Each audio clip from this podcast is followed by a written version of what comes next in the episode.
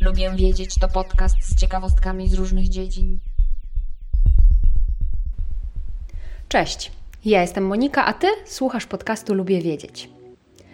Dzisiaj chciałam Wam opowiedzieć o trzech ciekawostkach z naukowych stron gazet, które nie tak dawno przeczytałam i które uznałam za na tyle ciekawe, że chciałam się nimi z Wami podzielić.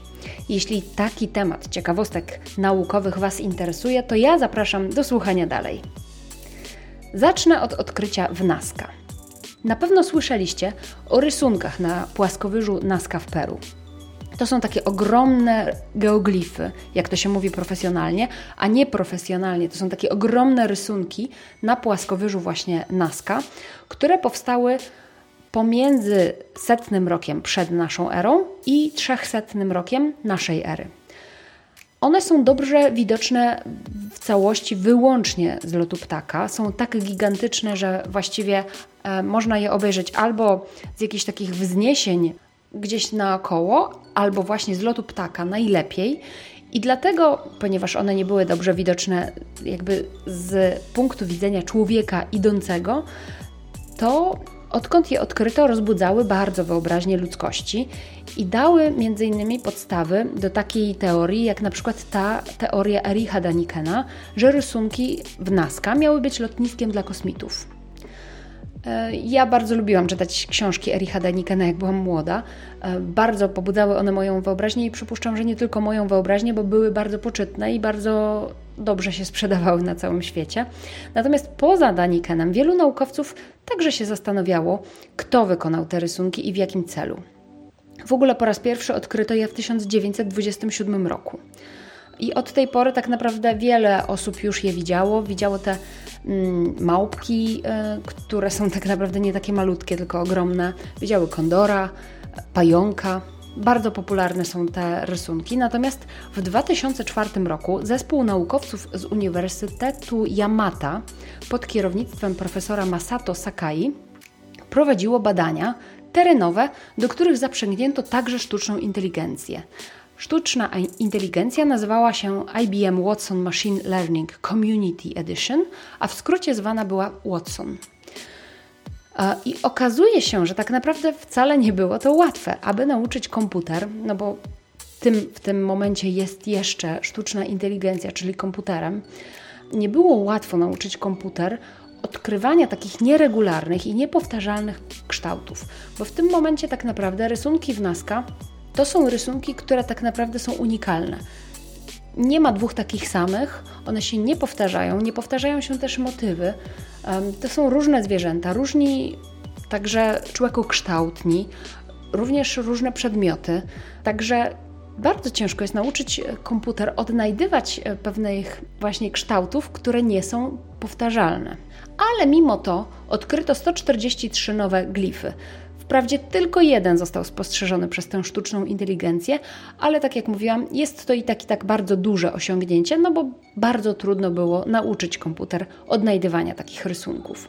W każdym razie mamy 143 nowe rysunki, w tym także rysunki, nazwijmy to ludziopodobne, i liczymy na to, że nie zostaną one zniszczone, bo to się już zdarzało. Zdarzyło się, że były zniszczone przez Greenpeace nawet, i zdarzyło się, że zostały zniszczone przez przypadkowego kierowcę ciężarówki, więc liczmy na to, że się to już więcej nie wydarzy. Kolejną bardzo ciekawą informacją w prasie, którą chciałam się z Wami podzielić, to odkrycie bakterii pochłaniającej dwutlenek węgla. Na początku grudnia w czasopiśmie Cell naukowcy z Izraela z Weizmann Institute of Science ogłosili, że udało im się wyhodować bakterię E. coli, która pochłania CO2, żeby wytworzyć energię. Ona po prostu żywi się CO2 i w tym procesie wytwarza energię. I jest to proces, z którym naukowcy wiążą spore nadzieje. Oczywiście licząc na to, że bakterie pomogą nam uporać się z ociepleniem klimatu spowodowanym właśnie przez podwyższoną e, zawartość dwutlenku węgla w atmosferze. Niestety na ten moment nie jest to proces bez wad, ponieważ okazuje się, że w tej chwili proces ten produkuje więcej dwutlenku węgla niż te bakterie konsumują. Mimo to naukowcy liczą, że uda im się odwrócić te proporcje. A jeszcze pod koniec listopada po raz pierwszy, po raz pierwszy w ogóle kiedykolwiek zmierzono puls płetwala błękitnego. Płetwal błękitny to jest największe zwierzę na naszej planecie. Może mierzyć do, może nawet nie do, a nawet więcej niż 30 metrów długości i ważyć ponad 150 ton. I okazuje się, że naukowcy za pomocą specjalnego elektrokardiogramu przyczepionego do tego płetwala błękitnego za pomocą specjalnych przystawek zmierzyli po raz pierwszy właśnie puls tego wieloryba. I jak myślicie, czy taki wielgus ma super szybkie tętno, czy właśnie super wolne? Okazuje się, że płetwal błękitny może spowolnić puls do dwóch uderzeń serca na minutę. Kiedy zanurza się w głębiny w poszukiwaniu jedzenia, jego tętno, jego puls, jego uderzenia serca bardzo spowalniają, właśnie do tych dwóch uderzeń serca na minutę. Natomiast najszybciej serce bije płetwalowi wtedy, kiedy wynurza się na powierzchnię. Wtedy potrafi bić maksymalnie 37 razy na minutę.